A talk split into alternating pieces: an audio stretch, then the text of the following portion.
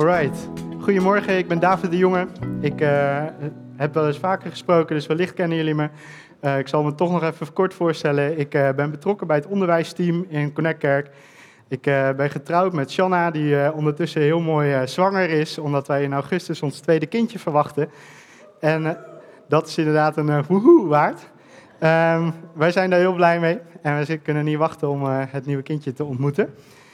Um, en uh, velen van jullie weten ook, als jullie me vaker hebben horen spreken, dat we ook wel eens door behoorlijke pittige tijden heen zijn gegaan. En als ik dan denk aan deze serie over de psalmen, uh, dan denk ik terug aan die tijden en waarin ik zoveel vertroosting in de psalmen heb kunnen vinden. Uh, doordat die psalmen woorden hebben gegeven aan het lijden, aan het, het verlies, aan de teleurstellingen die ik toen ervoer. En dat is ook de reden dat ik heel graag en met heel veel plezier ook jullie meeneem in deze kant van de psalmen. Goed om te weten is dat eh, de psalmboeken dus geschreven zijn als een gebedenboek. Toen het Joodse volk uh, in Israël leefde, toen hadden ze een tempel. En dat was de plek waar ze God konden ontmoeten. Het was de plek waar Gods aanwezigheid was en zij konden daar altijd naartoe. Maar toen ze in ballingschap werden genomen, toen was, werd het verwoest. En die plek waar zij God konden ontmoeten, dat was ineens weg. Ze wisten niet meer hoe ze God moesten ontmoeten. En in die tijd zijn deze psalmen zijn op papier opgeschreven en gebundeld um, als een soort literaire vorm van de tempel. Dit boek, deze, deze gebedsboek, de gebeden in dit boek, die vormen een tempel waar je in ontmoeting kunt komen met God. Die woorden geven aan jouw gebeden aan de gebeden van het al eeuwen oud, die eeuwenlang het Joodse volk woorden hebben gegeven aan hun gebeden. En het was voor hun de plek waar zij Yahweh konden ontmoeten. En er zijn heel veel verschillende uh, manieren om de psalmen te categoriseren. En één daarvan is die in twee categorieën. Die van de lofpsalmen en die van de klaagpsalmen. De lofpsalmen, daar hebben uh, Tom en Oscar ons in meegenomen. En uh, daar heb ik van kunnen genieten. Het was prachtig om Gods lof te kunnen uiten en daar meer over te, te weten en te lezen. En ik zal jullie vandaag wat meer nemen in de soms wat vergeten categorie van onze Bijbel. En dat is die van het jammeren en het klagen. En ik had de titel Goed klagen boven mijn preek geschreven. Je moet beseffen dat bijna een derde van de psalmen bestaat uit klaagpsalmen. Dat is best veel. en dan hebben we natuurlijk nog het boek Jeremia, klaagliederen, Job, die er ook best uh, een goed handje van hebben om stevig te klagen. Dus toch is er iets in onze Nederlandse cultuur waardoor we het moeilijk vinden om te klagen. Of waarom we het misschien heel makkelijk vinden om te klagen, maar het ook veroordelen. We klagen bijvoorbeeld wel over het weer, maar hoe vaak horen we nou mensen echt iets van hun hart uiten over de moeilijke situatie waar ze in zitten? De globale opzet van de klaagpsalmen is vaak een driedelig onderdeel. En dat is dat het begint met een uiting van de situatie van de schrijver, van de dichter. Het is een noodsituatie. Daarna beleidt hij zijn vertrouwen in God. En als afsluiting dankt hij God dat God altijd bereid is om te helpen. Nou, meestal eindigt zo'n psalm dus niet in mineur, maar daar zien we ook uitzonderingen op. Psalm 88 is daar een uitzondering op, die eindigt in mineur. Het eindigt niet met de welbekende vertrouwen en het welbekende danken voordat God gaat ingrijpen. Nee, het eindigt gewoon in mineur. Om te kunnen hebben over klagen, ehm, denk ik dat het goed is om uh, een verschil tussen klagen en morren uit te lichten. Er is namelijk een vorm van klagen die de Bijbel promoot. En er is een vorm van klagen, wat vaak morren genoemd wordt, wat afgestraft wordt door God. En uh, als we kijken naar de Bijbel, dan is David een voorbeeld van uh, klagen zoals het gepromoot wordt. En hij klaagt op een manier dat hij contact zoekt met God. En Israël, ik herinner me nog een preek uh, dat we het hadden over uh, uh, dat ze midden in de woestijn zaten en dat ze het manna zat waren. Ze wilden wel vlees. En er staat daar een woordje dat ze aan het morren waren. Er verspreidde zich een rumoer, een fluistering onder het volk van beklag. Ze roddelden als het ware achter Gods rug om. En als je kijkt naar de uh, woorden die in het Hebreeuws daar gebruikt worden, dan, uh, ik ga het waarschijnlijk niet helemaal goed uitspreken, maar teluna, dat is mompelen. En het heeft een implicatie van het verblijven in uh, de plek waar je bent. Het is een soort koppigheid, een hardnekkigheid en een fluistering. Dat is het woord dat gebruikt wordt voor uh, morren, wat het volk van Israël deed. Ze hielden vast aan hun boosheid en ze, ze, ze lekten er wat van in hun omgeving, maar ze gaven er geen uiting aan. En als we dan kijken naar de, de woorden die in de psalmen worden gebruikt voor klagen uh, of voor gebed van, van, uh, van de pijn die er zit, dan zijn dat zijn verschillende woorden, maar uh, de twee die ik het meest tegenkwam, dat was siach en daga. En siach is klagen, communiceren, praten, bidden, mediteren, discussiëren. En daga is uitspreken of er druk over nadenken, pijnzen of brullen. En ik denk dat dit een mooie uiting van het verschil is. Op het moment dat wij het vasthouden, onze boosheid, en ondertussen lekken, het vergif dat eruit komt, dat is morren. Dat is hetgene wat we vaak ook afkeuren in onze Nederlandse cultuur. Is als mensen wel een beetje zo rondlopen en een beetje aan het murren zijn over hun situatie. Maar daarmee keuren we ook vaak het klagen en het uitroepen naar God af. Of daar lijkt een soort druk op te liggen. En dit is dus juist de vorm van klagen die de Bijbel promoot. Het is een uiting geven aan je situatie, woorden geven, het uitbrullen van je hart naar God. Het communiceren met God. En over deze vorm van klagen, daar wil ik het vandaag over gaan hebben aan de hand van Psalm 13. En uh, we gaan hem lezen. Uit de MBV lees ik hem voor. Het zijn zes versen, uh, dus ik zal niet Psalm 19 voorlezen, dat scheelt dan weer. Um, laten we gaan kijken wat er staat. Neem een klein slokje water.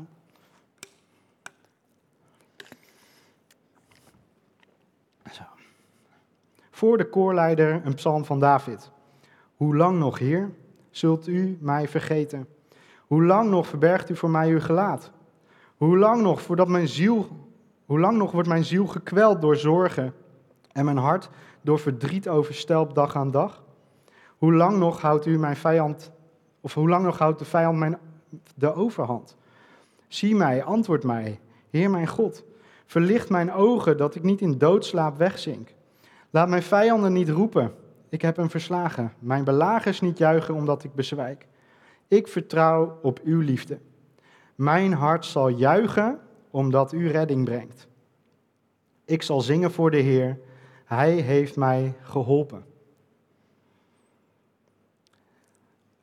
De welbekende indeling komt hier mooi in terug. Hè? Hij, hij schreeuwt het uit. Hij brult het uit naar God. Hoe lang nog, Heer? En hij sluit af met: Ik vertrouw op uw liefde. En als je kijkt naar de Joodse context, dan staat daar voor het woordje, ik zal, mijn hart zal juichen omdat u redding brengt. Dan staat er voor dat woordje redding, staat Yeshua. En ik denk dat dat heel mooi is om daaraan vast te houden. Dat we mogen beseffen dat Jezus gebracht wordt door God in al onze omstandigheden.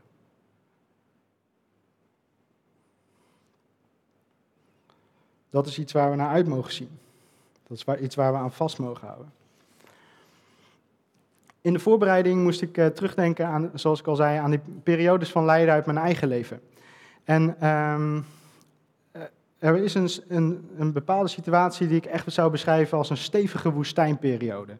Nou, dat dekt natuurlijk volledig niet de lading van hoe, hoe ontzettend verschrikkelijk zo'n situatie is. Uh, maar het, het laat iets zien van de droogte die ik op dat moment ervoer. Het was een en al door. Ik voelde me emotioneel door. Ik voelde me geestelijk echt volledig uitgedroogd. Geen druppel water. Er was geen leven op dat moment.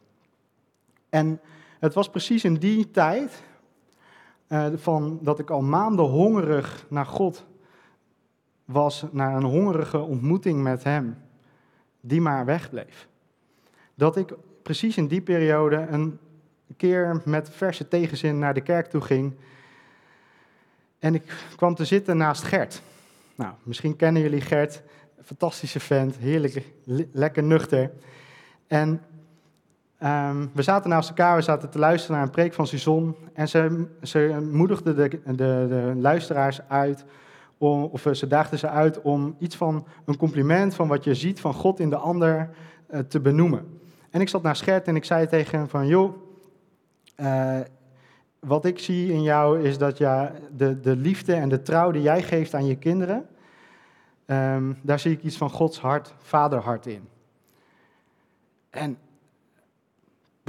het raakte hem heel diep. Uh, en ik, wist ik veel dat hij, uh, ja, dat hij net uh, niet zo lekker in zijn vel zat. En nou ja, ik, zei dat gewoon, gewoon heel nuchter. Ik had er niet voor gebeden of zo, ik vertelde dat gewoon. Dat was wat ik zag van God in hem.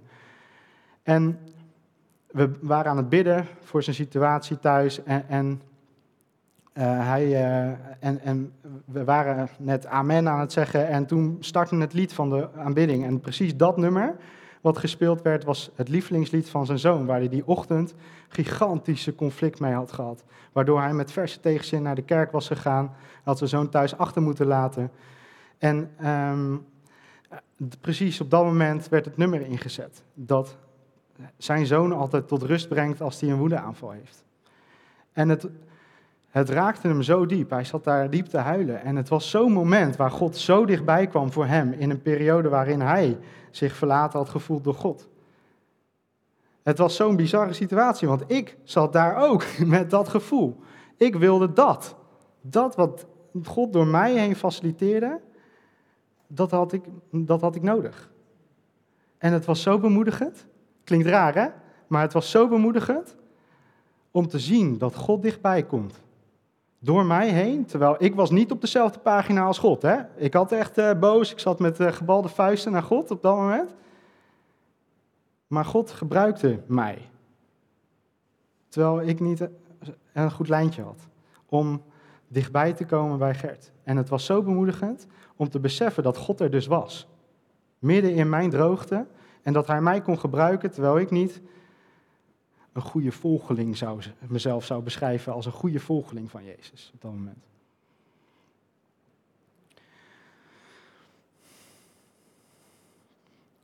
Het zijn teksten zoals deze Psalm 13, die mij helpen om te beseffen dat God naast mij komt zitten, midden in mijn droogte. Het geeft woorden aan dat wat ik voel. Het maakt me ook duidelijk dat God ons niet gehaast door onze tegenslagen heen wil trekken, maar naast ons komt zitten. Hij wil naast ons zijn en midden in het lijden aanwezig zijn. En dat belooft hij ook. In Psalm 34, vers 19 zegt hij: De Heere is nabij de gebrokenen van hart. Hij verlost de verbrijzelde van geest. Wauw, dat geeft woorden aan hoe ik me op dat moment voel. Ik voelde me verbrijzeld.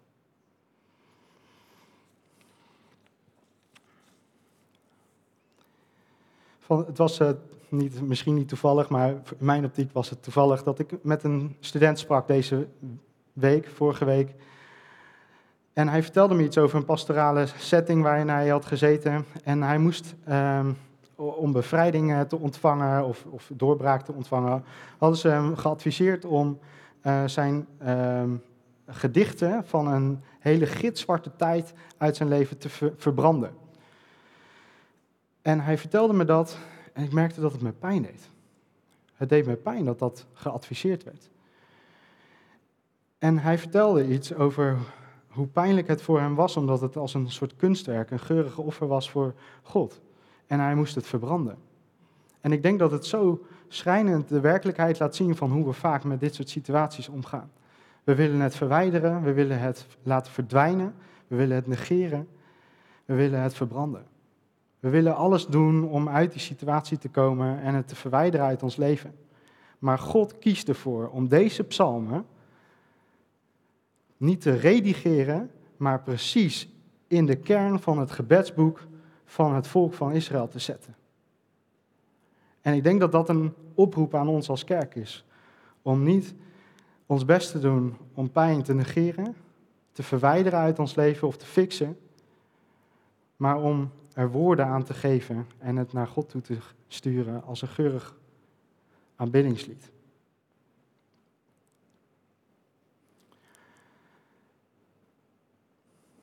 Soms doen we in een poging om het positieve vast te houden, dus eh, zijn we het negatieve aan het verdringen, verstoppen of negeren. Pete Gregg, de oprichter van 24-7 Prayer, schrijft in een prayer tool over klagen en jammeren: pijn is niet de vijand. Pijn is pijn. Pijn, daar moet je uiting aan geven. Want pijn die nooit geuit is, die kan niet worden getransformeerd. En pijn die niet getransformeerd is, wordt overgedragen. Misschien wat cryptisch, maar wat hij ermee probeert te zeggen, is dat als je pijn niet uit, dan kan God het niet omzetten. Dan kan God er niks mee. Dan blijft het zitten in je. En dan gaat het lekken. Door je leven heen, door je contacten heen, door je relaties heen. Het gaat lekker. Het is jammer dat we Bijbelteksten over klagen en jammeren vergeten. Omdat ze zijn geschreven om ons door tijden van teleurstelling, rouw en verlies, die we onvermijdelijk allemaal tegen gaan komen, heen kunnen helpen.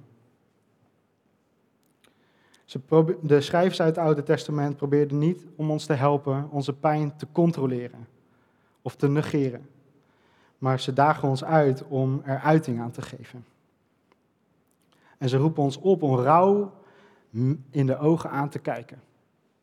Er dwars doorheen te gaan, net als Jezus. Jezus ging de dood met open ogen tegemoet. Hij ging het lijden met ogen open tegemoet. En hij verbleef er drie hele dagen in. Het was niet, hij was er, hij deed even dit en het was klaar. Nee, hij verbleef drie dagen in die pijn, in de rouw, in de dood. En dat is een bemoediging, want dat betekent dat als wij daar verblijven, dat Jezus daar ook is. Dat we Jezus kunnen ontmoeten, midden in die pijn.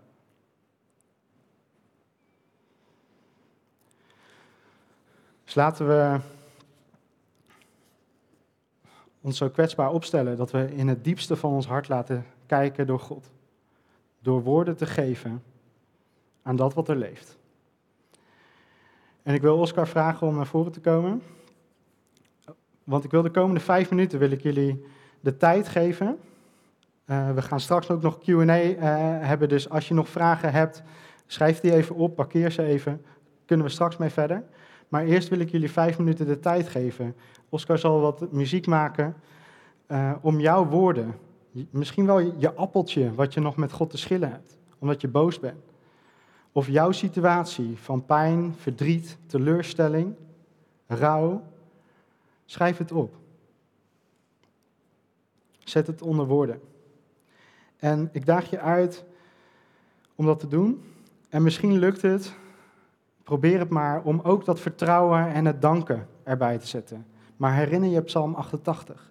Als het even niet lukt, blijkbaar mag dat ook. Want in de psalmen mocht het ook en het is in de Bijbel gekomen. Dus als jij nu in een plek van jouw positie bent waarin je nog niet dat vertrouwen en dat danken kan uitspreken, voel niet alsof dat niet mag. Schrijf gewoon maar dan de bitterheid op.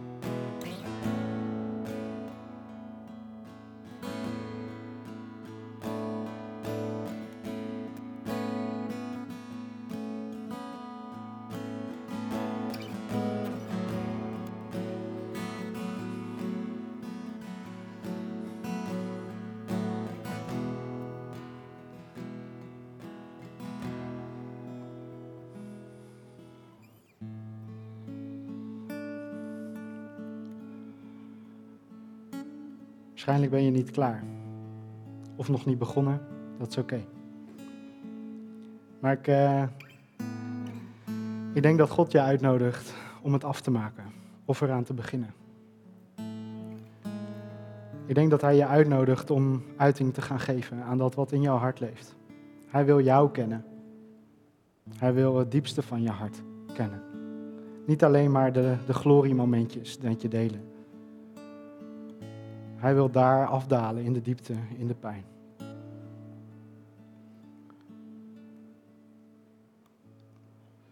Ik wil dit moment ook afsluiten met uh, gebed om jullie lofprijs, jullie geurige gave wat je hebt gegeven in de vorm van klagen, om het aan Hem te geven.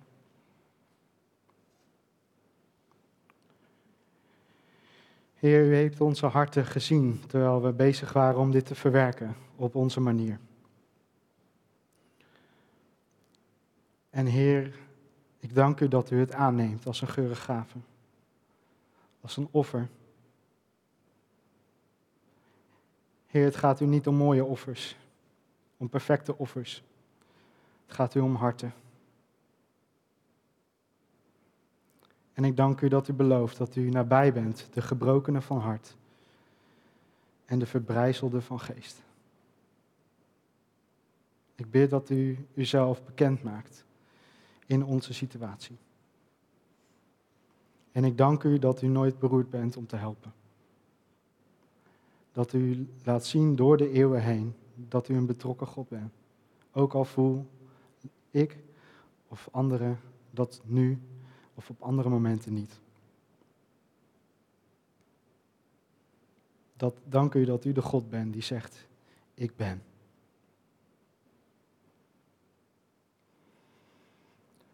Amen. Hey, dit is een moment om ook uh, eventuele vragen, tegenargumenten uh, uh, op mij af te vuren. en ik een poging zal doen om daar iets van reactie op te geven. Joffrey zal yes. aftrappen en daarna ook door de zaal heen gaan om eventuele vragen op te vangen en door te spelen naar mij. Yes. Ja, ja ik, had, ik had persoonlijk een vraag. Ik wist natuurlijk al dat David uh, hiermee uh, over ging spreken. Maar, maar eigenlijk, kun je nou klagen ook als een soort van, als een vorm van aanbidding zien?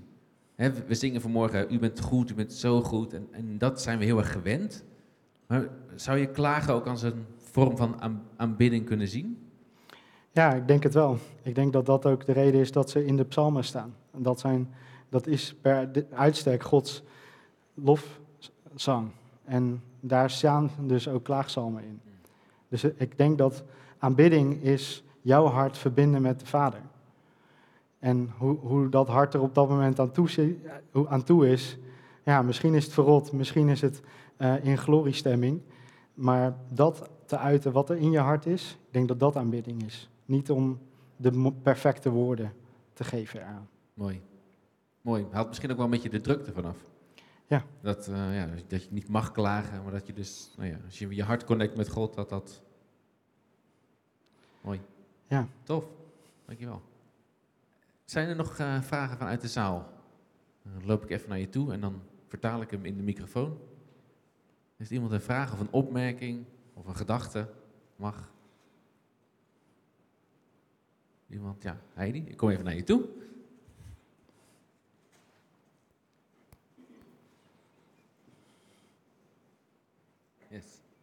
Nee, ja, moet, het moet vanwege corona, hè? Ja.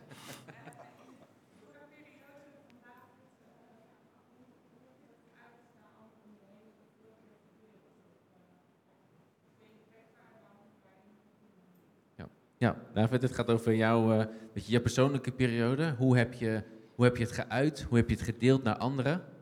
Uh, toen, je, ja, to, toen je in die periode zat? Ja, dus ik denk dat uh, voor mezelf ik erachter ben gekomen dat het mij niet helpt om het met iedereen te delen, want mijn hart is kwetsbaar. En die mag ik best beschermen. Uh, dus ik heb ervoor gekozen om een paar mensen in vertrouwen te nemen, uh, die ik mijn hart toevertrouw. En die, waarvan ik weet dat ze daar vertrouwd mee om zullen gaan. En die heb ik in de armen genomen en de lelijkste kanten, mijn lelijkste gedachten over God mee te delen. En gewoon eh, mijn worsteling te, te benoemen zoals die is. Niet mooier te maken, mezelf niet mooier te maken dan ik ben. Maar uh, gewoon rauw en eerlijk te zijn. Ja. Mooi, dank je. Iemand anders nog? Ah, ja. Hi.